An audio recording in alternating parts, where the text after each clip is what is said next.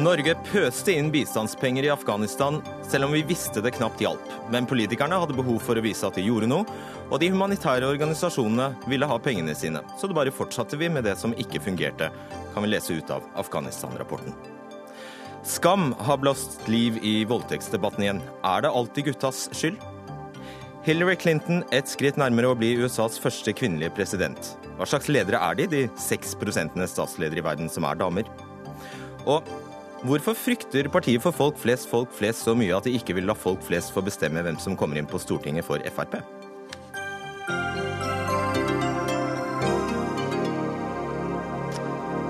Da kan Fredrik Solvang ønske god kveld. Ja, Mandag kom rapporten om Afghanistan-innsatsen, og samme dag snakket vi her i Dagsnytt 18 mye om den militære biten. Men de tre kapitlene som dreier seg om bistand og humanitær innsats, fortjener vel så mye oppmerksomhet. For da vi gikk inn i Afghanistan for 15 år siden, skulle vi fokusere på tre ting. Demokratibygging, utdanning og likestilling. Litt etter litt ble mengden bistandspenger vi kunne pumpe inn, viktigere enn målene. Resultatene i dag er fra et kost-nytte-perspektiv negative, skriver det regjeringsoppnevnte utvalget. Og til tross for det, en time etter eh, rapporten kom, sendte Flyktninghjelpen ut pressemelding der eh, de ba om enda mer penger. Kjersti Haraldseide, ansvarlig for Flyktninghjelpens operasjoner i Afghanistan. Enda mer penger til det som ble erklært for ikke å hjelpe. Mm. Ja, altså vi mener at eh, selv om det ikke har fungert så langt, så er det ingen grunn til at vi skal gi opp Eh, selv om det er vanskelig og krevende å gi eh, humanitær hjelp i Afghanistan, så betyr ikke det at vi eh, kan la være å gjøre det, fordi det er så store humanitære behov. Hva slags respekt er det for skattepengene? 8 milliarder kroner? Vi må, bare. Vi må bare bli bedre. Altså, Vi må lære av det vi har gjort, og så må vi gi eh, hjelp som er bedre.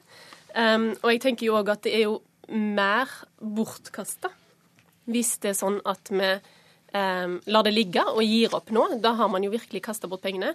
Istedenfor så har man en anledning til å lære av de feilene som er blitt gjort, til å gjøre det bedre og til å gi den assistansen som uh, afghanske befolkningen rett og slett fortjener, etter det vi, vi nå har uh, bidratt med på andre måter. Men har jeg det, hvis ikke det er det, Hvem er det som har gjort feil? Det er et stort spørsmål. Er, jeg tror nok at Noe av det som kommer fram bl.a. i rapporten, er jo òg at det har vært Eh, en mangelfull planlegging fra starten. Man har kanskje hatt et feil utgangspunkt. Fra hvem? Um, hvem fra har planlagt feil? Den norske staten. Den norske staten, har... Ikke NGO-ene, ikke de frivillige organisasjonene, som dere f.eks. Uh, det er ikke sånn at vi ikke um, ser på rapporten og, uh, ønsker å ta inn over oss og ta lærdom av den. Uh, men jeg mener jo at den humanitære assistansen som er gitt, Eh, som vi har vært en del av. Også det er viktig her å skille mellom den humanitære, ja. kortsiktige assistansen og den mer langsiktige utviklingsbistanden. Og vi ser òg fra rapporten at den um, humanitære innsatsen har vært betydelig bedre enn det som er situasjonen for det mer langsiktige. Ok. Uh, Tørje Seger, du er sjef for internasjonal avdeling i Norges Røde Kors. Jeg skal sitere fra rapporten. Ettersom NGO-ene, og det er altså dere, eh, lokalt utførte arbeidet afghanske myndigheter skulle ha gjort, bidro de imidlertid i svært liten grad til å styrke befolkningens tillit til myndighetene. Slik undergravde bruken av NGO-er delvis målet om å styrke en sentralstyrt stats legitimitet. Verre attest får man jo ikke.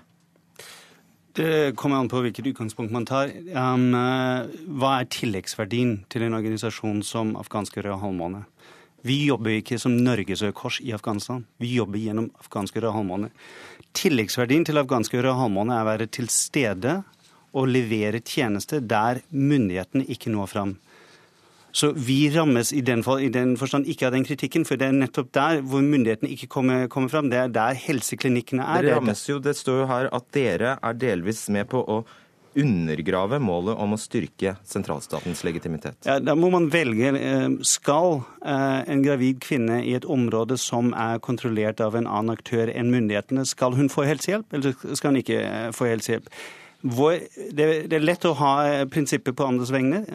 Vi mener det er riktig at det humanitære behovet kommer først. Og vi har en aktør som har tillit fra både myndigheter og fra befolkningen og andre militære aktører i Afghanistan, og det er afghanske Røde Halvmåne. Og de kan nå ut til hele befolkningen, og det er en verdi i seg selv. Det er viktig at man opprettholder det. Ingen fra politisk ledelse i Utenriksdepartementet kunne stille her i kveld. Heller ingen av Høyres medlemmer i utenriks- og forsvarskomiteen hadde mulighet for å komme, dessverre. Anniken Huitfeldt, leder i Stortingets eh, utenriks- og forsvarskomité for Arbeiderpartiet. Du er med oss på linje fra Stortinget. Dere politikere får mildt sagt hard medfart i denne rapporten. Det står politiske besøk til Kabul eller Faryab førte gjerne til opprettelse av prosjekter som kunne gi kortsiktige politiske gevinster i form av omtale i norske medier. Ofte var det svake prosjekter uten lokal forankring og reell mulighet for oppfølging. Med andre ord, det å vise seg synlig i Afghanistan var mye viktigere enn å hjelpe det afghanske folk.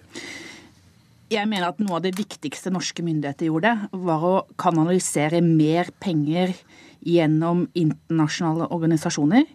Vi brukte penger også der vi ikke hadde eh, militære prosjekter, i motsetning til veldig mange andre land.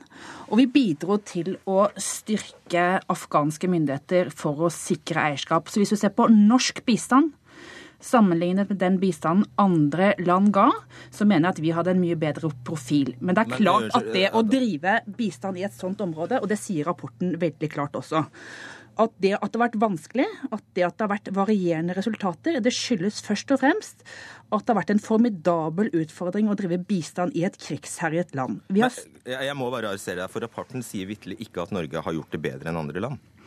Jeg mener at vi har kanalisert våre bistandsmidler på en annen og en bedre måte gjennom å sikre et uh, lokalt eierskap. Men det er et åpenbart dilemma som trekkes fram her. Det å satse på sivilsamfunnsorganisasjoner på den ene siden, med sitt apparat. Det å styrke afghanske myndigheter på den andre siden, som eh, afghanske myndigheter til stadighet har etterspurt, det har vært et dilemma hele tiden. Og La meg ta et eksempel. Vi har støttet f.eks. kvinneorganisasjoner. Det har vært viktig. De har bidratt til å få flere kvinner til å stille til valg i det afghanske samfunnet.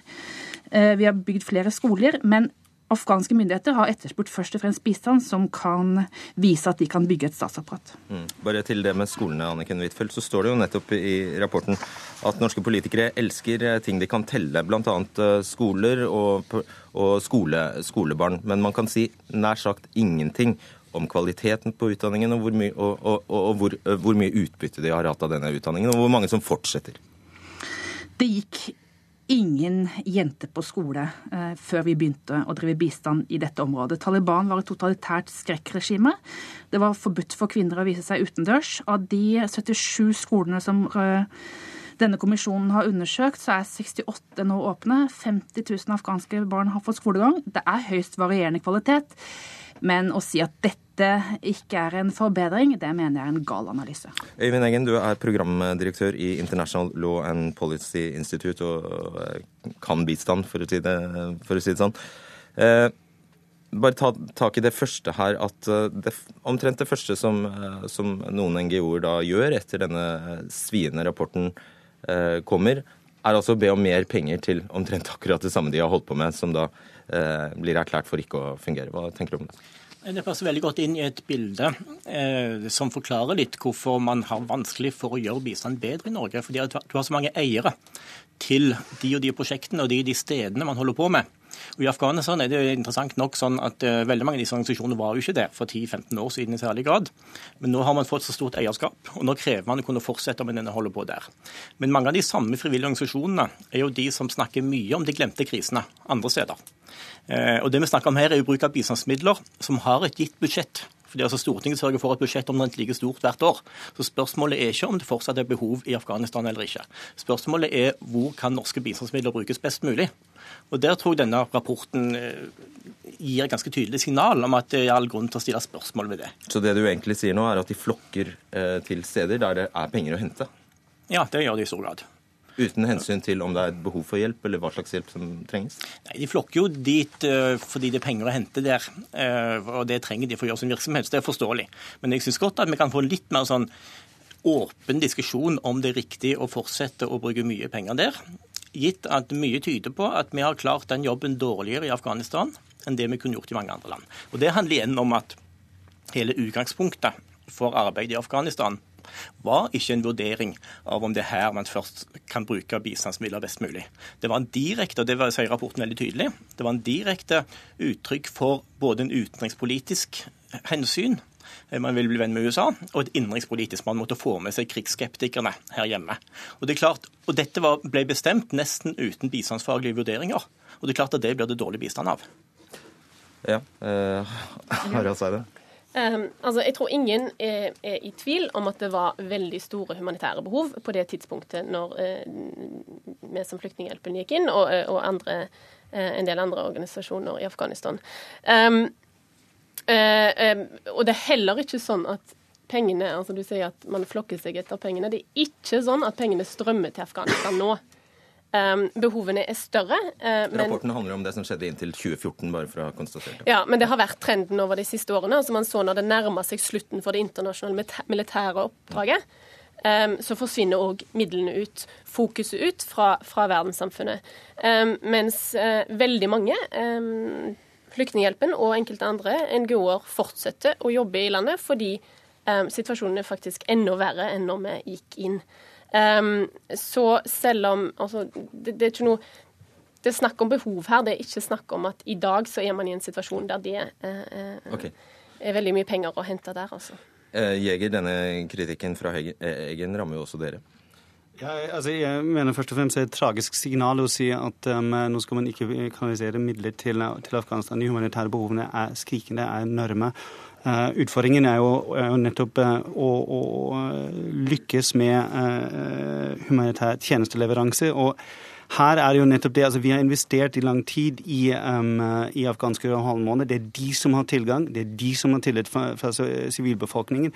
Så det er viktig at de evner å operasjonalisere den tilgangen og den tilliten de har, og det har vi bidratt til. Da har jeg lyst til å spørre deg om, eh, om noe helt konkret. Det står bakgrunnen for økningen i den humanitære bevilgninga, altså det du er så opptatt av, nødhjelp f.eks., fra 2007 til 2008, var i stor grad ønsket om å bringe den totale sivile støtten til Afghanistan opp på et nivå på 750 millioner kroner.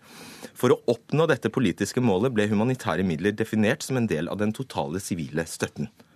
Har... Altså, dette er jo triksing. Det er, jo, er, det forenlig med, med, helt basale, grunnleggende prinsipper for humanitær innsats? I den diskusjonen om sivil-militær uh, uh, uh, blanding um, har vi hele tiden tatt stilling at man må skille mellom sivil militær og humanitær.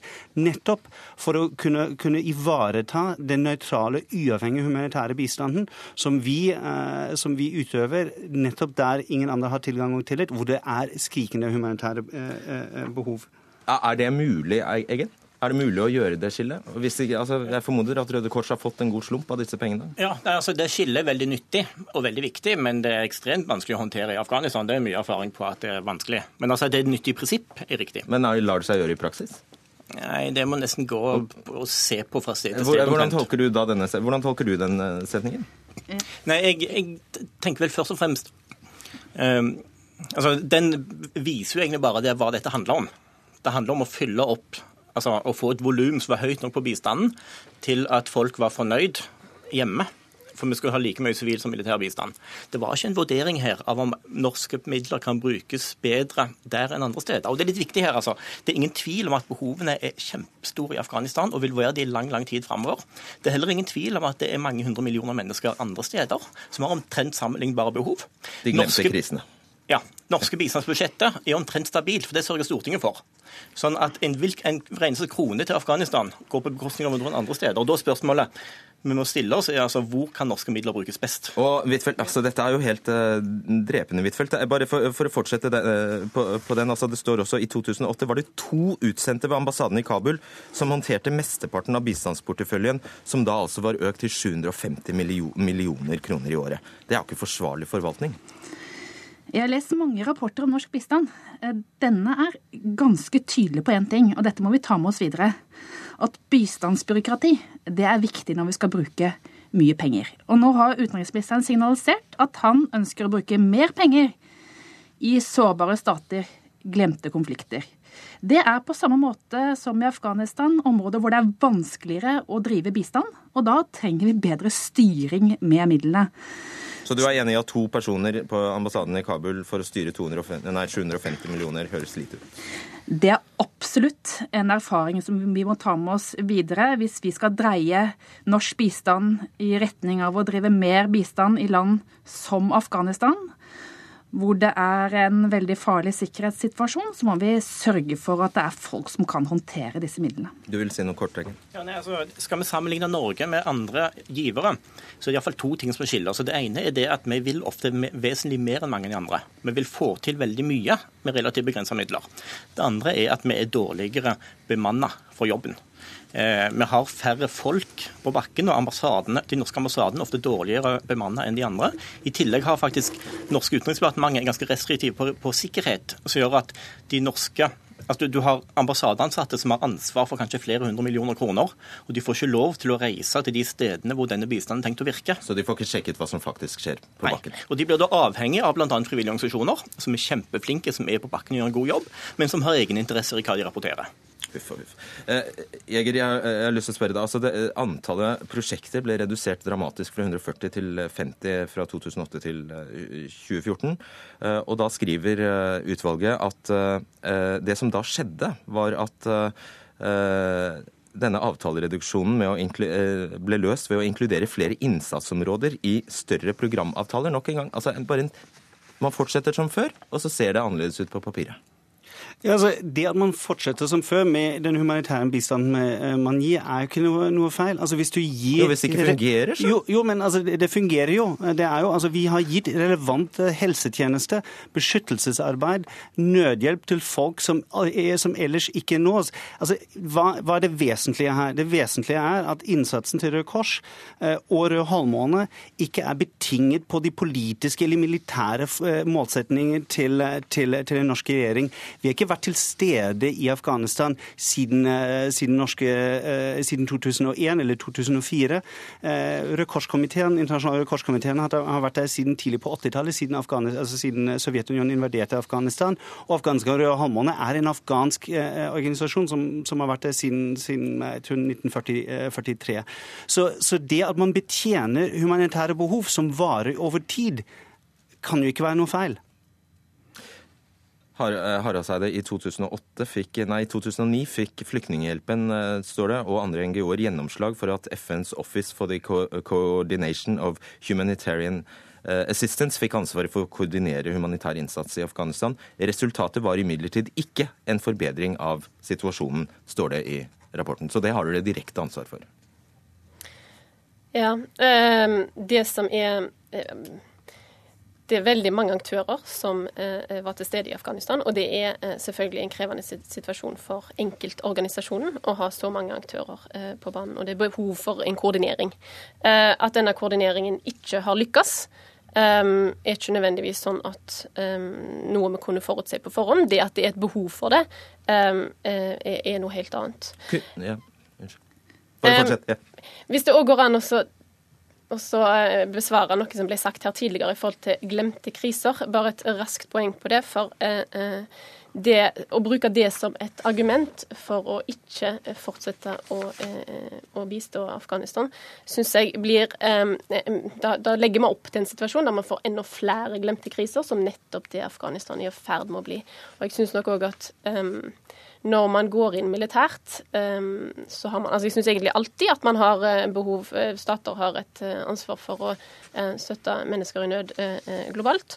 Men når man har òg engasjert seg militært, så er det klart at da har man et særskilt ansvar. Og det, det stanser ikke i det øyeblikket når de militære trekker seg ut. Egen. Det er et hensyn som Altså, som jeg synes, altså Et mye viktigere hensyn er altså, hvordan kan norske skattepenger brukes best mulig. Og Det er viktigere enn hva annet vi måtte gjøre i Afghanistan. Og Det er den vurderingen som knapt nok er gjort noen, no, på noe tidspunkt på disse 15 årene vi snakker, snakker, om her. Men jeg vil gjerne legge til og si litt at jeg syns disse frivillige organisasjonene har fått mye pepper her. Kanskje bare fordi de var de som var tøffe nok til å møte opp i studio. Ja, det kan For det er en annen aktør her som ikke er til stede eh, som man kan snakke om. Og det er de og, som er ansvarlige for politikken ja, i dag. Og det man har gjort, er altså det at man hadde et eh, enormt ambisiøst prosjekt hvor man skulle da bygge stat og utdanne masse jenter og drive landbruk og elektrifisering og skogplanting og selvhjelpsgrupper og veldig mye. Og man skulle gjøre dette med masse penger og to ansatte på ambassaden. Eh, og det er klart, altså, Der er det jo noe. Altså, Man var ikke utstyrt for den oppgaven man tok på seg. Og Der ligger hovedproblemet. Jeg tror faktisk at de frivillige organisasjonene er relativt sett blant de absolutt beste i denne historien. Ok, Huitfeldt, vi lar det gå utover de som faktisk møtte opp litt til. Det står også beslutningene om å øke de sivile bevilgningene var altså både i 2006 og 2007 begrunnet i utenrikspolitiske og innenrikspolitiske hensyn, og ikke bistandsfaglige behov og vurderinger. Sånn kan vi jo ikke ha det.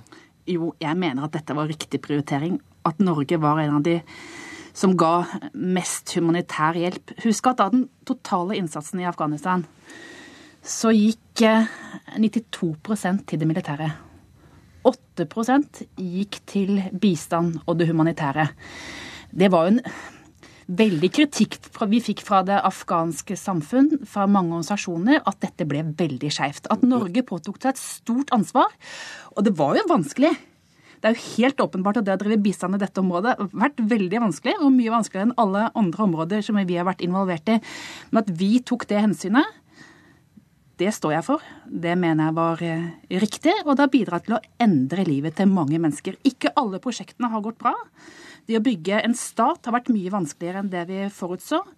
Men prosjektet knyttet til eh, helse og utdanning har hatt eh, gode resultater. Ok. Helt avslutningsvis, og spørsmålet går til dere begge. Er det noe dere, dere ser dere kunne ha gjort annerledes? Dommen er ganske klar og tydelig. Altså det, det, er, en metodisk svakhet her. og det er At vi ikke skiller mellom humanitær bistand og, og, langsiktig utvikling. Vi har drevet, driver med og kommer til å fortsette å drive med livsviktig nødhjelp til de befolkningsgruppene som er marginalisert, som er utenfor uh, reach, altså som ikke kan nås av, av, andre grupper, av andre aktører, av, av, av afghanske myndigheter. For der er vi gjennom Røde Halvmåne de eneste som kan levere, og det tror jeg står seg. Jeg tolker det som et nei. Eh, eh, det, det, som kommer fram i forhold til dette skillet mellom humanitært og, bistand i, langsiktig bistand i rapporten, er nettopp at det humanitære uh, bistanden har på, i, i, stor grad vært bedre. Og Det kan jo forklare at det er nok noe lettere for oss som humanitære organisasjoner fordi at det er mindre kontroversielt. Det er større enighet om motivene bak. Um, og det er en vanskelig kontekst. altså Det er vanskelig sikkerhetsmessig. Det er vanskelig på, på, på alle mulige måter å, å, gjøre arbeid i Afghanistan. Men det betyr, uh, det betyr, ikke at vi selvfølgelig har potensial for å lære. Um, noe av det som kom fram i rapporten, var bl.a. At, at man ikke hadde god nok kjennskap til konteksten. Det er òg noe som selvfølgelig hjelper uh, organisasjonen tar inn over seg. Og så skal jeg si tusen takk for at dere faktisk stilte. takk skal dere ha. Anniken Huitfeldt, Øyvind Eggen, Kjersti Haraldseide og Tørris Jæger. Dagsnytt 18 alle hverdager kl 18.00 på NRK P2 og NRK2. NRK-serien Skam har blåst nytt liv i voldtektsdebatten og reist aktuelle spørsmål om forståelsen vår av voldtektsbegrepet. I en kronikk i Aftenposten i dag skriver journalist Sanki Gerhardsen at vi må tørre å snakke om gråsoner, delt ansvar og likestilling når vi diskuterer dette temaet voldtekt. I frykt for å tråkke voldtektsofre på tærne har vi ifølge Gerhardsen endt opp med å stemple horder av unggutter som kriminelle, og fratatt jenter evnen til å ta ansvar. Du er med oss fra Bodø, Anki Gerhardsen. Hva er så galt med måten vi snakker om voldtekt? Ja, altså Først må jeg jo få understreke at jeg snakker om gråsonene. da. Altså De hendelsene der vi det tatt kan diskutere om det var et overgrep eller ikke. Bare sånn at det er helt klart. Og i de gråsonene så mener jeg at vi behandler gutter og jenter veldig forskjellig. Eh, jeg har, jeg har reagert på en sånn hva skal jeg kalle det for, en slags sånn fortelling som jeg mener pipler fram mange steder i samfunnssamtalen. Eh, du kan se de innleggene som jenter selv skriver i avisene. Og så kan du se det på måten fagfolk og kommentatorer snakker om dette på. Og så kan man se det på det påtakelige fraværet av guttenes perspektiver. Men til sammen så blir det en sånn fortelling om kjønn og sex og ansvar som jeg opplever som uheldig på, på flere måter. Ja, det er at uh, guttene blir liksom ikke bare alltid den potensielt slemme, selv om det er ille nok. Det blir også en fortelling om at det stilles krav til gutten. Altså, han blir den ansvarlige. De merker at samfunnet forventer at de skal ha kontroll. Det sies med ganske klare ord. Men jeg syns jentene blir mer sånn Hva føler du nå? De blir offerforklart. Og Da går liksom unge jenter inn i ungdomstida og merker at vi ikke forventer så mye av dem. Det er ikke så mange fortellinger hvor vi sier ta ansvar for deg sjøl, eh, ikke overlat det til gutten, snakk tydelig. Vi er mye mer opptatt av å si det er aldri din skyld. Og Siden du relaterer dette til eh, Skam, er det spesielle, er det spesielle episoder i serien Skam du sikter til, eller er det bare den generelle debatten Skam har avstedkommet? Ja, det er det siste. Det er den generelle debatten. Og så har jeg fulgt uh, opp Jeg har liksom lest mye av det som har blitt skrevet i etterkant. Og tidligere også, under den der hashtag 'jeg har opplevd'. Så det har vært det pågående før Skam også, da, men nå har det liksom blitt veldig aktualisert. Eh, det er jo sant, Lisa Arntzen, sosionom og veileder i Dix ressurssenter for, mot uh, voldtekt. Jeg tolker Gerhardsen dit hen at uh, noe av budskapet hennes er faktisk at jenter må ta mer ansvar. Mm. Enig? Eh, jeg opplever at jenter tar veldig mye ansvar. Jeg snakker med både gutter og jenter som har opplevd voldtekt hver eneste dag på Dixie. og Vi er i kontakt med ganske mange i løpet av et år. Eh, og opp gjennom historien også så har jo jenter blitt tillagt veldig mye av ansvaret eh, for både seksuelle overgrep og voldtekt. Eh, så jeg syns det er rett og rimelig at vi også tar med guttene i denne diskusjonen. Eh, og så er det jo sånn i forhold til skam f.eks., eh, så ble det jo begått en kriminell handling. Og, så her var det jo på en måte ikke en voldtektsanmeldelse som aldri hadde skjedd, f.eks. Eh, og så er det jo også sånn eh, at en del av eh, For dette ble jo knyttet opp mot eh, russedebatten også. og der er det jo også en del veldig unge jenter, også under 16, som, som blir pressa til å være med på ting de ikke ønsker. Og når de er under 16, så er det jo også ifølge loven straffbart å gjøre seksuelle handlinger med dem. Gerhardsen? Ja, men i kronikken min så poengterer jeg at jeg snakker om jevnaldrende over seksuell lavalder. Altså det å utnytte barn seksuelt under seksuell lavalder, det er selvfølgelig altså hinsides den samtalen jeg prøver å reise, da, bare så det er klart. Ok, da har vi ryddet det av. Astrid, Astrid Aas Hansen, du er advokat og har jobbet som forsvarsadvokat og bistandsadvokat, og derfor kjennskap til begge sider. Er voldtektsdebatten for rigid og for polarisert? Det som, eh, som, jeg reagerer litt på, det er eh, bruken av begrepet voldtekt. Og da reagerer jeg som jurist. At en eh, kanskje har fått et eh, gått fra at en tidligere snakka om voldtekt utelukkende når det var en overfallsvoldtekt. Når det kommer en fremmed mann hoppende ut av buskene og du frykter for eh, livet ditt. Mens eh, jeg har òg sett i eh, debatten og i kronikker som skrives, at man har definert handlinger som voldtekt uten at det samsvarer med straffelovens voldtektsbegrep. Da må du forklare. Der er det et krav at den seksuelle omgangen, samleie f.eks., eller uh, fingring eller oralsex, at den har du oppnådd ved å bruke vold eller truende atferd. Sånn at vold eller truende atferd er det en kaller en del av den objektive gjerningsbeskrivelsen. Og hvis ikke det er til stede, så er det ikke voldtekt i lovens forstand, med mindre eh, fornærmede var eh, bevisstløs eller ute av stand til å motsette seg. Altså var typisk helt sanseløst uh, berusa. Det var en grei avklaring. Kan jeg da tolke deg dit at du egentlig er på linje med Gerhardsen her? Eh, er, eh, det, blir, det, blir, også litt vanskelig. Altså, en voldtekt. Ja, ja, og det er derfor jeg, det er derfor jeg syns det er så bra at vi får samtaler rundt dette. Fordi jeg tror ingen er uenig i at det er én person som er ansvarlig for en voldtekt, og det er gjerningspersonen. Derom hersker ingen tvil. Men det jeg opplever at Gerhardsen gjør, er å adressere eh, et ønske om at vi snakker sammen om hvordan unge mennesker utforsker seksualitet, og særlig når det skjer kombinert med alkohol. Og da er det viktig, mener jeg, at en er klare på sine egne grenser, andres grenser og også lovens grenser. Og da er det jo lite formålstjenlig, Arntzen, å dyrke en offerrolle for jenter, f.eks. Ja, men det er det vel egentlig ingen som gjør. Eh, og ikke de utsatte selv heller. Det er jo faktisk et problem at eh, de aller færreste som opplever voldtekt, anmelder. Det er jo bare én av ti, ifølge den norske omfangsundersøkelsen eh, om vold og voldtekt i Norge.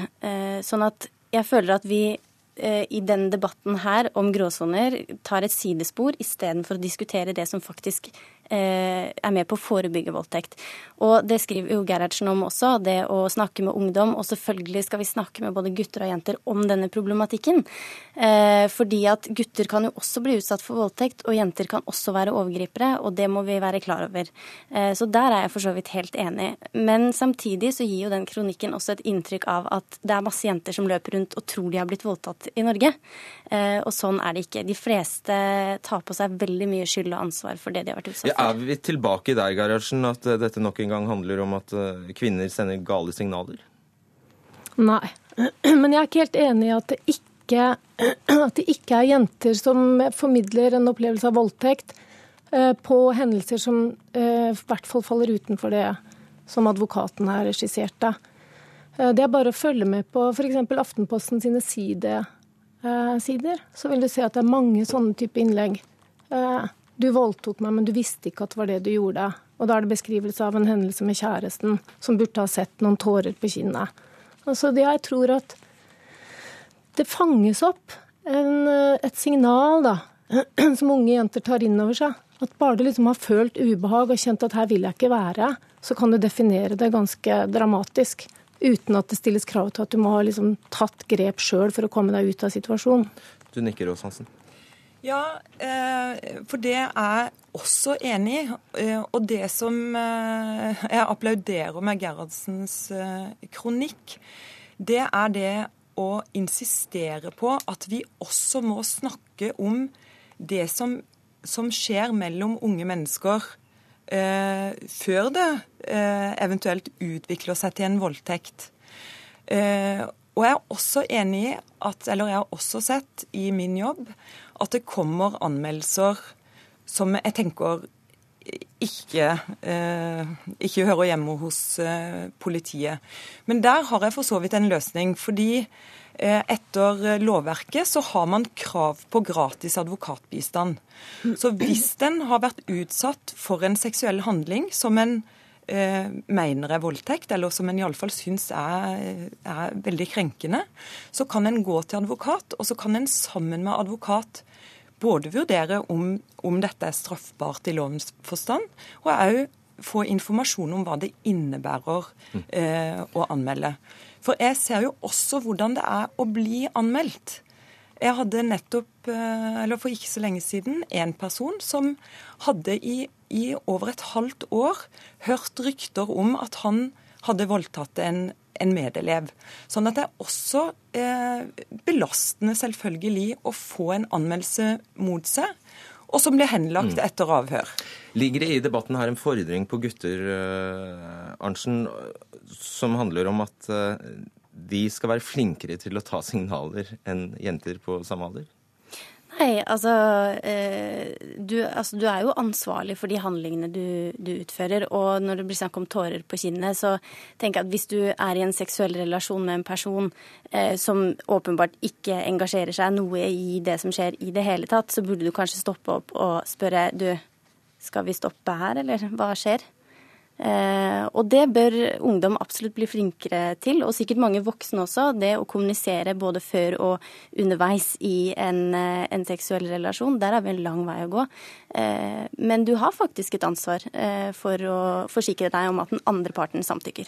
Og helt til slutt, Gerhardsen, du skriver at vi må lære døtrene våre å snakke tydelig. Hva, hva betyr det egentlig? Ja, Det betyr egentlig ganske konkret det jeg skriver der. Altså Hvis det er noe du er involvert i, som du ikke har lyst til å være i, så må du ikke sende så subtile signaler at den andre ikke skjønner det. Da må du si stopp, og så må du reise deg og gå din vei.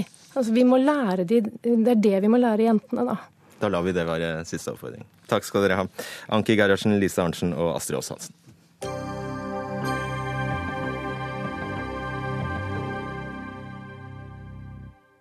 Senterpartiet trapper opp den politiske kampen mot regjeringens planer om organiseringen av Norge. Mandag viste folkeavstemningene i Birkenes, Lillesand, Søgne og Sogndalen nei-flertall mot å slå seg sammen med Kristiansand. Og i dag rykket Senterpartiet ut med forslag om å øke inntektene til kommunene med 3 milliarder kroner utover regjeringens opplegg, og sier nei til nytt inntektssystem.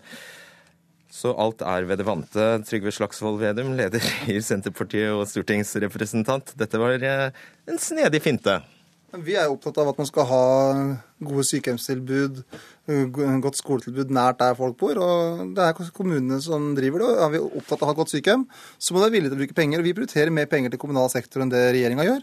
De er mer opptatt av å prioritere de aller rikeste, mens vi ønsker å prioritere mange, og spesielt de eldste og de yngste. og Derfor et mer penger til kommuneøkonomi enn det Høyre har. Og selvfølgelig basert på det gamle inntektssystemet. Ja, for det Høyre har gjort, er jo de har jo endra spillereglene voldsomt underveis i denne kommunereformen. For de merka at det ikke var noen begeistring for eh, sammenslåing av kommuner før jul, og så fikk de panikk. Og så skulle de endre spillereglene og straffe de kommunene som var såkalt u, eller frivillig små, da, som var et nytt ord de fant på før jul. Og så skulle de måtte tas fra penger. Og når de tar, tar, penger fra de, så er det for at eh, da blir det dårligere sykehjemstilbud og dårligere skoler i de kommunene. Og det mener vi er en uredelig måte å drive politikk på. Mm. Og da er din oppfordring putt det hele i en skuff. Ja, altså nå, øh, nå har øh, sannsynligvis kommunal sektor brukt over 1 milliard kroner på denne reformen her. I utredninger, i årsverk, i konferanser, øh, i byråkrati. Og nå må Høyre si nå er nok nok. Nå må kommunene begynne å diskutere tjenester istedenfor strukturer. Vi har ikke råd til å bruke så mye penger enda et år til. For nå har Høyre sløst med norske kommuners tid. De har sløst med penger. Og da må de klare få fylkesmennene neste uke. Sa de bør klare det. Nå må dere respektere de lokale vedtakene, så de heller kan begynne å diskutere tjenester, i stedet for bare å diskutere kommunestruktur og kommunevåpen og nye navn og alt mulig annet rart som ble diskutert det siste året. Ja, Frank Jensen, kommunalpolitisk talsperson i Høyre. Det går jo ikke så bra, dette her, så det er kanskje best å gi seg mens leken, er god? Man skulle nesten ikke tro at eh, Senterpartiets leder visste hvorfor norske kommuner diskuterer sammenslåing og inngår intensjonsavtaler. Det er jo nettopp for å sikre godt tjenestetilbud i fremtida. Det er jo det lokalpolitikerne holder på å diskutere, ikke de tingene Slagsvold Vedum sier. Eller fordi Vedum... dere har bestemt at de skal ha de prosessene? Nei, jeg tror de har gått inn i det med, med, med, med åpent sinn, og det er mange som nå er i ferd med å vedta sammenslåing. Eh, det er mange som fortsatt jobbe med å, finne seg sammen, med å komme sammen. Det Vedum nå sier, det er at etter at kommunene har jobba med dette nå et, eh, ganske lang tid, snart et par år, ja, så skal han altså tre uker før man skal fatte vedtak, så, så spenner han opp snubletråden på innspurts uh, på oppløpssida og sier at nå, nå, er det slutt for kommunene. Det er en arroganse uh, uten sidestykke. Vi synes at, og Det er ikke vi på Stortinget som skal tolke alle de lokale rådene, det skal kommunestyrene nå gjøre. Mange kommunestyrer kommer til å fatte vedtak. og Det Vedum da sier, det er at jo, altså, hvis Klæbu ønsker å gå sammen med Trondheim, så skal han bare la det være. Hvis Verran og Steinkjer ønsker å gå sammen, skal de la det være være. Hvis Søgne og, Sogn, Søgne og Sogndal, som nå tar opp igjen praten med Kristiansand, ønsker å få til et samarbeid der, så skal de la det være. Det er det uh, Vedum sier. Og vi sier at nei, vi lytter til kommunene. Det du kan trøste deg med, er at han er jo sikkert langt fra flertall for dette her, eh, er du vel? Nei, men Folk er jo enige med meg. Og Det er jo det som er det store paradokset for Høyre. De har brukt alle ressurser de kan. De har brukt eh, statens fylkesmenn utrolig aktivt i propagandaen. De har brukt regjeringsapparat. Brukt enorme ressurser. Men folk blir mer og mer mot reformen. For de ser at det Høyre vil, er å sentralisere tjenester. Og det er folk imot. Og de ønsker å ha styring over eget lokalmiljø. Og det jeg sier til uh, Høyre nå, det er at dere må Jo, når de lokale beslutningene nå blir tatt i løpet av de neste par ukene, så bør dere si til fylkesmennene respekter de lokale beslutningene. Det burde være enkelt for deg å si. Ja, Men fylkesmennene skal ikke bestemme noen ting. Det er jo Stortinget og regjeringen som bestemmer disse sakene. At ikke fylkesmennene skal sitte nå og tegne masse kart, skape masse uro, masse utrygghet. og så vil du si jo, og så skal selvfølgelig vi i Stortinget neste vår, altså Høyre, respektere de lokale beslutningene. Men det klarer du ikke å si. Jo, for du sier at vi skal... Vi har jo sagt det i Stortinget. Ja, men, nettopp det vi har sagt. Vi har, sagt det. Vi har sagt det. At uh, er det uh, de lokale vedtakene de skal følges, og så finnes det noen, muligens noen få unntak. Men utgangspunktet er selvfølgelig at det her er kartet, da trenger du ikke Nei, vi ønsker ikke å tegne et kart uh, i Oslo. Hva skal Oslo. du med fylkesmennene da? De skal, oppsummere for, eh, de, skal, de skal oppsummere fordi de kjenner de lokale forholdene. Jeg tror det er bedre at de oppsummerer de lokale forholdene som kjenner de lokale forholdene, enn at uh, alle byråkratene bare i Oslo sitter og oppsummerer den debatten. Men, men poenget er at Senterpartiet har altså inntatt en bremseklossholdning til, uh, til, kommunereformen. Norske kommuner er jo godt i gang. Veldig mange kommuner ønsker å gå sammen. Senterpartiet anerkjenner faktisk heller ikke det. Hva slags verden er det du lever i? Nei, men, Propagandaapparatet til, til Høyre lever den i for at altså, tror at det er så enormt ja-flertall. Det er Nei, nei i kommune etter kommune. Jo, men Frank skulle- Bakke-Jensen. skulle- Jo, men det er gjerne hatt- som mener det. skulle- skulle- Skulle gjerne hatt flere ja-flerholdning-avstemninger, men det, det man underslår fra Senterpartiet, er også at det er mange kommuner som uavhengig av folkeavstemningene jobber seg sammen. Bare se på Sogn og Fjordane, bare se på Klæbu og Trondheim, bare se på Verran og Steinkjer. Altså det- eh, I Vestfold og andre flere kommuner i Trøndelag som ønsker å gå sammen. Men Senterpartiet argumenterer mot det og sier at dette burde de ikke ha gjort. Og Jeg kommer fra stortingsmøtet i dag, eh, hvor Stortinget også har vedtatt. Eh, Et flertall på Stortinget sier nå at nå ønsker vi også å halvere antall fylker i Norge. Det er også Senterpartiet imot. Ja. Senterpartiet bremser, bremser, bremser. Og du som er så veldig ja, men, et slags, altså du som er så veldig opptatt av lokaldemokrati, hvor, hvor, hvor demokratisk er det at du skal sitte på Stortinget og bestemme at nå skal alle disse prosessene bare stanse opp? Nei, men de som Skal de bare har, kaste på ja, men Vi båten alt de har holdt på med? vi, at det er de som lokalt ønsker det som det er frivillig. Man hører på folk, og kommunestyrene sier ja, så skal vi støtte det. Men så har jo Høyre har jo da bestemt at, men, men Høyre har bestemt at det er et kjempemål å redusere antall kommuner uten at de klarer å synliggjøre hvorfor.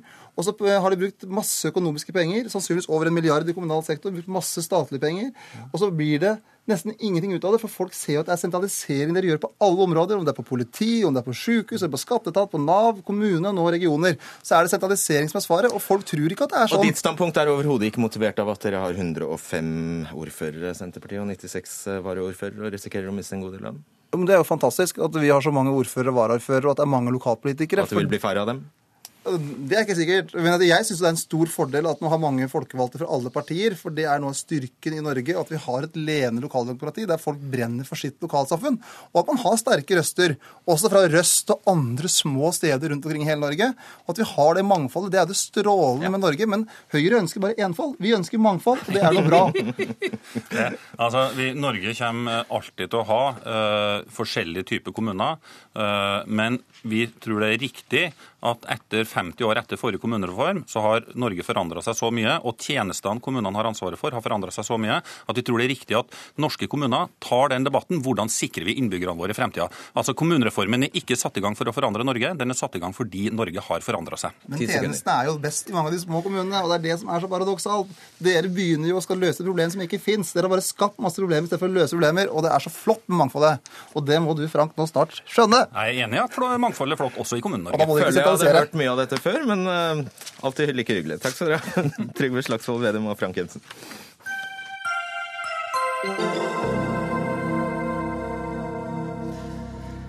Forslaget til ny valglov splitter de to regjeringspartiene. Fremskrittspartiet frykter at eh, velgerne ved å koordinere Altså frykter at velgerne kan koordinere aksjoner og dermed kuppe valglistene. Arbeiderpartiet er også skeptisk til eh, kommunalminister Jan Tore Sanners forslag om mer makt til eh, velgerne. Og dermed blir det trolig ikke flertall når saken kommer opp i Stortinget på fredag. Helge Thorheim, du er medlem i kontroll- og konstitusjonskomiteen på Stortinget for arbeider... Nei, nå, nå tuller jeg fælt her. ja, det står Arbeiderpartiet i mitt manus. Beklager det. For Fremskrittspartiet, selvfølgelig. Sånn skal det være. Eh, ja, Du går altså imot egen regjering. Det er det som skjer her? Ja, det er det. Det er stilig. Nei, det er ikke stilig i det hele tatt. Det, det må jeg virkelig si. Men, eh, men eh, vi var nok uenige i å trekke sperregrensene helt ifra 50% og ned til 8% Forklar det, forklar, for, Ja, forklar hva det innebærer. Ja, det. Per i dag så er det en sperregrense for, um, for hvor mange velgere som har til for å stemme ekstra på en person. For Sånn at det- det vedkommende kan jumpe opp på lista. Ja, for at det, det skal få betydning. Eh, ved fylkestingsvalg så er sperregrensen 8% Der skal det bare 8% av velgerne, så, men de må gjøre det samme. De må krysse på samme person. Kommer du da over de 8% så, så blir de talt med. Mm. Og da kan man veldig lett komme inn som første representant. Og sånn er det i kommunestyret nå. Ja, kommunestyret der er, der er på litt annen måte. Ok, Og så gikk dette forslaget fra Sanner ut på at nå Nå, skulle være eh, nå gjør vi det liksom fylkeskommunen. Ikke sant, så nå skulle det bare 8% til versus 50% nå. Ja, og, og det må vi si, og det er vi helt enige i. Den 50 %-regelen som vi har i dag, den er nok veldig teoretisk i, i praksis. Det har aldri skjedd at uh, noen har kommet over den 50% Sånn at eh, man er enig i enten må vi ta den vekk, eller så må vi gjøre noe med den. Ok, Jeg prøver å forstå. Partiet for folk flest er altså imot at folk flest skal få mer å si for hvem som kommer inn på Stortinget. Ja, men jeg skal legge til litt på, på det. For eh, når vi jobber med denne saken her i komiteen, så kom det inn også en del andre merknader og gode forslag som, som kom på plass. Så eh, det som vi har sagt Vi vil stemme nå for eh, subsidiert for Senterpartiets forslag, som sier at eh, vi sender det tilbake til regjeringen og ber de komme tilbake med et nytt forslag der man tar høyde for de kommentarene som kom. Så det kan bli kanskje en annen sperregrense. Det kan kanskje bli en kombinasjon av det og eh, kumulering, som man er vant til å gjøre f.eks. i kommunestyret. Ok. Eh, Sveinung Rotevatn, stortingsrepresentant for Venstre. Du er for, for Sanners eh, forslag. Hvorfor det? Fordi i dag så er det sånn at 1,4% av nordmenn deltar i nominasjonsprosesser i partier. Resten gjør ikke det. Resten må stemme på partilistene, og som Frp helt riktig sier, det er helt umulig å påvirke den rekkefølga ved personvalg. Det har aldri skjedd, og det kommer aldri til å skje. Og så må jeg si at fra Venstres side så har vi et godt samarbeid med denne regjeringa. Vi får gjort mye. Men nå må det altså bli slutt på at denne regjeringa legger fram saker for Stortinget som Høyre eller Frp eller begge to har tenkt å stemme imot. Morsomt for oss andre, da. Ja, det kan du si, men det er ikke morsomt for, eh, for de av oss som ønsker å få gjort noe. Først hadde du trygdeoppgjøret, så hadde du ulvemeldinga, og nå er det personvalg til Stortinget. Og det er altså ikke sånn at Vi kan stole på at når det kommer en sak fra regjering, så er regjeringspartiene for den saka. Og her syns jeg det er synd. Jeg syns det er synd at Frp er redde for at folk flest skal få lov til å være med og påvirke hvem som kommer inn på Stortinget for Frp. Ja, Hva er det dere er så redde for? Det begriper jeg ikke helt. Nei, Vi er ikke redde for det, slik som Rotevatn sier. Altså, Vi har jo også en annen del av demokrati i denne saken. her, og Det, det er jo nettopp eh, nominasjonskomiteen i partiene som skal nominere representanter til valglisten. Ja, Hvis velgerne er uenig i den prioriteringen, jo, så kan de si fra i valg. Jeg vil ta først det at det er en ganske omfattende prosess eh, som nominasjonskomiteen har, og den er veldig åpen. Jeg kan bare ta for mitt eget fylke. Vi holder på faktisk et halvt år med den nominasjonsprosessen, slik at også andre har sjanse til å melde inn til disse. Her er det en del interessante mennesker dere burde ta med. Eh, så det blir feil, syns vi, at kanskje ved å ha bare en 8 slik som regjeringen nå har foreslått, eh, sørge for at kanskje noen havner først. Det er det ene. Men du kan også risikere å få aksjoner ute for å få enkeltpersoner, en, eh, grupper av personer, det kan være fra geografiske områder, som eh, da på en måte kupper litt. Så kan man si ja, men det er jo en del av demokratiet, det òg. Men, men, men, det er litt uh, betenkelig. Ja, og det er jo hele poenget. Du kan få aksjoner der folk ønsker å få folk inn på Stortinget for Frp, for Venstre, som de mener skal representere deg. Det er jo det som er demokrati. Ja, Men da har hele den lange nominasjonsprosessen vært til ingen nytte? Ja, men vet du hva, det får våge seg hvis velgerne er uenige i resultatet av den. Og denne flotte demokratiske nominasjonsprosessen som Frp, Parti for folk flest, sitter og snakker om her, er altså en prosess som 98,6% av folket ikke deltar i. Og da tenker jeg at vi kanskje bør vurdere å gjøre sånn som våre naboland gjør. Dette går fint i Sverige, det går fint i Danmark, og la velgerne få lov til å være med å påvirke ikke bare hva parti som skal sitte på Stortinget, men hvem som skal representere partiet. Jeg skal bare i rettferdighetens eh, navn tillegge at siden eh, vi nevnte Arbeiderpartiet her i sted, altså eh, landets største parti går imot dette, så dette forslaget fall, hadde falt ja, men ganske sikkert uansett. Det var jo ingen overraskelse at Arbeiderpartiet gikk mot det. Det har alltid vært mot det. Men at Frp går mot det som regjeringa utgått av Frp og Høyre foreslår, Sånn kan vi ikke ha det. Men jeg skal bare, altså, Oslo Arbeiderpartiets leder Frode Jacobsen sier han tror lovendringen som Sanner har foreslått, som ikke får flertall, ville ført til flere menn på Stortinget. Ja, Det tror han, men han tar feil. Fordi her har det vært en grundig utgreiingsprosess. En har eh, latt Institutt for samfunnsforskning både simulere hvordan Stortinget ville sett ut, og sett på historikk. Og det en ser, bl.a. for lokalvalg og fylkestingsvalg, er at det er ikke noe sånn som tilsier at menn skal vinne fram. Eh, tvert imot så ser vi våre naboland at det gjerne er kvinner ungdom, folk med minoritetsbakgrunn, som får ja, aksjoner bak seg, mange velgere som ønsker å få dem inn i parlamentet. Jeg syns det er flott, jeg. Og jeg synes at Sånn burde det være i Norge òg. Nå går vi glipp av den historiske muligheten fordi Frp velger å sabotere den. Nei, altså jeg, kan ikke akseptere det uttrykket at jeg vil sabotere. Eh, litt til dette med demokratiet og nominasjonsprosessen. Husk på at det er nominasjonskomiteen de, de, prøver å sette sammen eh, denne listen både geografisk, kjønn, alder, egnethet Ja, Hvis velgerne er uenig i det, skal Ja. de få, få, gi, få gi uttrykk for det? Ja, det skal de få. Men vi er, vi er nok uenige per i dag om det er den rette hva skal jeg si, vurderingen eh, 8% kontra det som listen har, ikke sant? 8% er veldig lite, Rotevatn, så det er, jo, det, er jo, det er jo veldig få stemmer som skulle til, da. Nei, det er ikke det. Eh, 8 er den grensa du bruker ved fylkestingsvalget i dag. Og Der ser vi jo at det blir noen endringer på lista, men ikke veldig store. Eh, I Sverige, da de innførte denne modellen her med en sånn sperregrense, så førte ikke det til en omveltning, men det førte til at 12 av 349 som sitter i Riksdagen, kom inn som ellers ikke ville kommet inn. Og jeg Ja, Det du kanskje også kan oppnå, er jo at de aller beste ikke gidder å stille seg eh, laglig til for hogg. At de ikke gidder å la seg nominere på toppen av lista fordi det er en sånn risiko for at de bare blir skjøvet ut. Jo, men vet du hva, Fredrik Solvang? Hvis de aller beste ikke har lyst til å stille til valg, og la velgerne faktisk bedømme dem ut fra sine egenskaper og sin dyktighet, da tror jeg ikke det er de aller beste. Men det er et po godt poeng det som Det programleder ja. har her. Også. Det er, man, man skal ta med det også. Men Men, du- men, men vi, vi vil iallfall ha en ny vurdering. Og i det så ligger at vi ser for oss 2021, at det skal gjelde fra da. For nå er vi langt inn i Så du lover å snakke med egen regjering nå og få til et omforent forslag, eller? Ja, ok. det gjør vi. Det er en framgang, da. Ja, dette blir trenering. Denne prosessen har holdt på i mange år. Grundig utgreiing. Nå blir den stoppa igjen. Det er synd, men vi får forsøke igjen i neste stortingsperiode. Takk skal dere ha, Sveinung Rotevatn og Helge Thora. Hør Dagsnytt 18 når du vil. Radio NRK Radio.nrk.no.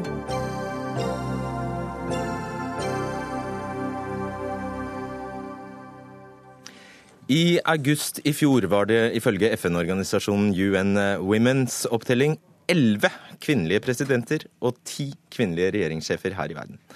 Halvparten av jordas befolkning utgjør dermed en svært lav andel av dem som sitter på toppen. 6,2 for å være eksakt. I natt ble en ny mile- milepæl nådd for kvinner i politikken. Hillary Clinton blir USAs første kvinnelige presidentkandidat med vinnersjanse. Thanks to you, we've reached a milestone. The first time, the first time in our nation's history that a woman will be a major party's nominee. Ja, Nå skal vi huske at eh, Bernie Sanders faktisk ikke har gitt helt opp å bli demokratenes presidentkandidat. Men eh, Toril Skar, forsker og forfatter, velkommen hit. Hva slags type statsleder, eller unnskyld, regjerings, ja, statsleder, regjeringssjef eh, tror du Hillary Clinton eventuelt vil bli? Og vil hun styrke kvinners stilling generelt? Det at en kvinne blir valgt som president i et av verdens største land, vil i seg selv ha veldig stor betydning som modell. Jeg husker en gang jeg traff en ung dame i Sør-Afrika, og hun sa at jeg er uenig med Margaret Thatcher i alt hun mener, men hvis hun kan bli statsminister, så må jeg også kunne slå meg fram.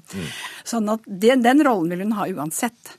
Når det gjelder i hvilken grad hun vil spille, make a difference, altså gjøre en forskjell, så kommer nok det litt an på bl.a. hvordan Kongressen kommer til å se ut. Mener om demokratene får et flertall eller ikke i Kongressen. Eh, De fleste kvinnene i Kongressen i dag er valgt av demokrater, og hvis de også får flere kvinner, så vil jo det hjelpe. Og da tror jeg at Hillary Clinton, hvis jeg skal vurdere henne ut fra et kvinnesynspunkt, så tror jeg hun vil spille en rolle, fordi hun har tidligere fremmet en rekke kvinnesaker, både når det gjelder helsespørsmål og, og barnehagespørsmål og kvinnerettigheter. Slik at, at da kan hun spille en, en viktig rolle for å få til noen endringer. Og nå har ikke jeg i hodet nøyaktig hvor mannsdominert den nåværende regjeringen til Barack Obama er. Jeg er ganske sikker på at den er det, men Han har en fjerdedel, ja. han har en fjerdedel kvinner i, i regjeringen, og i Kongressen så er det 19% kvinner. Vil Hillary måtte mm, gjøre det bedre? Ja, altså Jeg syns jo at hun eh, Det kommer jo litt an på hvordan valget går, ikke sant? Men eh, hvis hun vinner som president, så kan man vel anta at eh, demokratene også gjør det bra ved kongressvalget. Og det er jo demokratene som har fått inn kvinner. De har Nå tenkte jeg på, på altså regjeringen, at hun må ha flere kvinnelige statsråder. Ja, det kan, det kan hun utnevne, og det bør hun ha. Og jeg mener En av de kvinnelige presidentene i verden som jeg har syntes det har vært mest spennende å følge, det er jo Michelle Bachelet i Chile. Og da hun ble president i 2006, så stilte hun opp med 50% kvinner og 50% menn, og sa at det er 36 saker for kvinner jeg skal gjennomføre med en gang. Så det, det fins noen modeller som Hillary kan la seg inspirere av. Og det er verdensrekord, er det ikke det? Eh, Bachelet er eh, ganske godt i forkant. Mm. Heidi Nordby Lunde, stortingsrepresentant eh, for Høyre. Hva tror du om Hillary Clintons evner og muligheter til å løfte kvinnene helt generelt i politikken? Jeg tror at hun allerede har løftet kvinner generelt i, i politikken, både gjennom sin, eh, som senator eh, og de sakene hun har jobbet gjennom, eh, gjennom, der, men også som utenriksminister, hvor hun satte kvinners rettigheter på, på dagsorden. At hun kommer til å fortsette å gjøre det som president, det, det, tviler jeg ikke et øyeblikk på. Og Vi ser jo også at kampanjen hennes nå dreier seg jo veldig mye om nettopp den sterke symbolikken det ligger i at hun er USAs første kvinnelige presidentkandidat. Og så håper jeg at vi kan sette et punktum etter første president om, eh, om eh, ikke så fryktelig lenge. Um, Skar, hva kan vi si? Du har altså skrevet bok om kvinnelige statsledere. 'Maktens kvinner' het den. Der du uh, altså har skrevet om uh, kvinner som har vært stats- og regjeringsledere fra 1960 til 2010. Jeg ser du har boka ja. der, ja. Hva, kan vi si noe helt generelt om kvinnelige statsledere? Ja, For det første så, så, kan man si at for å bli en kvinnelig statsleder, så må det være et relativt demokratisk system. Det må også være såpass gode forhold at kvinner kan få utdanning og, og god helse. Eh, og så må du ha en kvinnebevegelse som krever eh, at kvinner skal inn. fordi at eh, over hele verden så dominerer menn i politikk. Hvis du ser f.eks. på de politiske partiene over hele verden, så er det bare 10% kvinner i ledelsen på de politiske partiene. Så da, du må altså gjennom en ganske stor bøyg for å, for å komme til.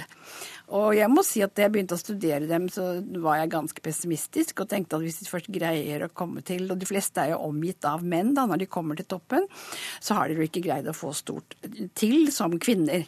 Men der ble jeg faktisk gledelig overrasket i den forstand at eh, jeg fant eh, tre forskjellige grupper. Det var noen som da oppførte seg sånn som menn og ikke fremmet kvinnesaker i det hele tatt. Jeg mener Margaret Thatcher er et eksempel på det. Så var det noen, og det var faktisk økende antall, som sto fram som kvinner og sa at jeg vil arbeide for kvinner og fremme kvinnekonvensjonen. Og, og et eksempel på det var nettopp Michelle Bachelet, blant annet, som jeg nevnte i sted. Og, og Gro Harlem Brundtland kan også høre til den kategorien. Og så har du, har du, da halvparten, som er de fleste, som da vil være, komp lage kompromiss og fremme både kvinner og menns interesser og prøve å balansere. Nei, feminister er de ikke, men de vil likevel gjøre noe f.eks. for kvinners helse eller kvinners utdanning eller kvinner i politikk. slik at alt i alt så, så har flertallet De kunne gjort mer, vil jeg selvfølgelig ønsket, men alt i alt har de fleste av de kvinnene som har kommet opp, gjort noe for kvinner som menn ikke uten videre ville ha gjort. Uh, Nordby Lunde, tror du de fører annerledes uh, Tror du de fører en annen politikk? politikk? Ja, altså, ikke, ikke, med nødvendighet. Og vi hører her også at det er jo noen som setter kvinners, mer, kvinners rettigheter mer på dagsordenen enn andre. Så skal vi også huske på at ulike land har ulike utfordringer. Og rettigheter til, tilknytta kvinner. Så gjør jo det at du Chile ligger nok langt etter Norge enn hva en kvinnelig statsminister i Norge vil kunne få gjort for kvinner her, som allerede har kommet så langt, som en, eh, en president i, i Chile. Og jeg tror ikke folk flest vil se på Thatcher som et feministisk ikon. Eh, samtidig som jeg mener at det kanskje var nødvendig, eh, bl.a. i den situasjonen som verden var inne i da, med den kalde krigen. At hun var eh, den eneste kvinnelige statsministeren i Europa på den tiden. Og vise også at nei, det er ikke nødvendigvis så stor forskjell på kvinner og menn i lederposisjoner. Nettopp derfor kan du være trygg på, når du også stemmer inn kvinner, at de tør å ta de tøffe beslutningene, som definitivt hun gjorde. Og til slutt skal eh, mange av disse kvinnene vi må jo legge til, mange av disse kvinnelige statslederne har jo vært døtre av sine fedre eller eh, ektefeller av sine ektemenn. Nei, ikke det mange. Det er noen ikke? ganske få, og de er bare i Asia og Latin-Amerika. De store flertallet har klatret opp gjennom disse mannsdominerte politiske partiene og har eh, virkelig slåss en kamp for å kunne komme til topps. Og jeg ville sette søkelyset i stadig økende grad på partiene. Når skal partiene bli skikkelig demokratiske og fremme kvinner og kvinners rettigheter? Der mener jeg vi har en utfordring. Og der har vi også utfordring i Norge, men vi har en stats, kvinnelig statsminister og en kvinnelig finansminister journalister. Men ser du på alle de som er rundt, så er det jo et stort flertall menn i det som er regjeringsapparatet. Så vi har en utfordring, vi òg. Vi har det. Og vi setter punktum der. Tusen takk skal dere ha, Toril Skar og Heidi Nordby Lunde. Denne sendingen er eh, over. Dag Dørum, Hilde Tosterud og Fredrik Solvang takker for seg.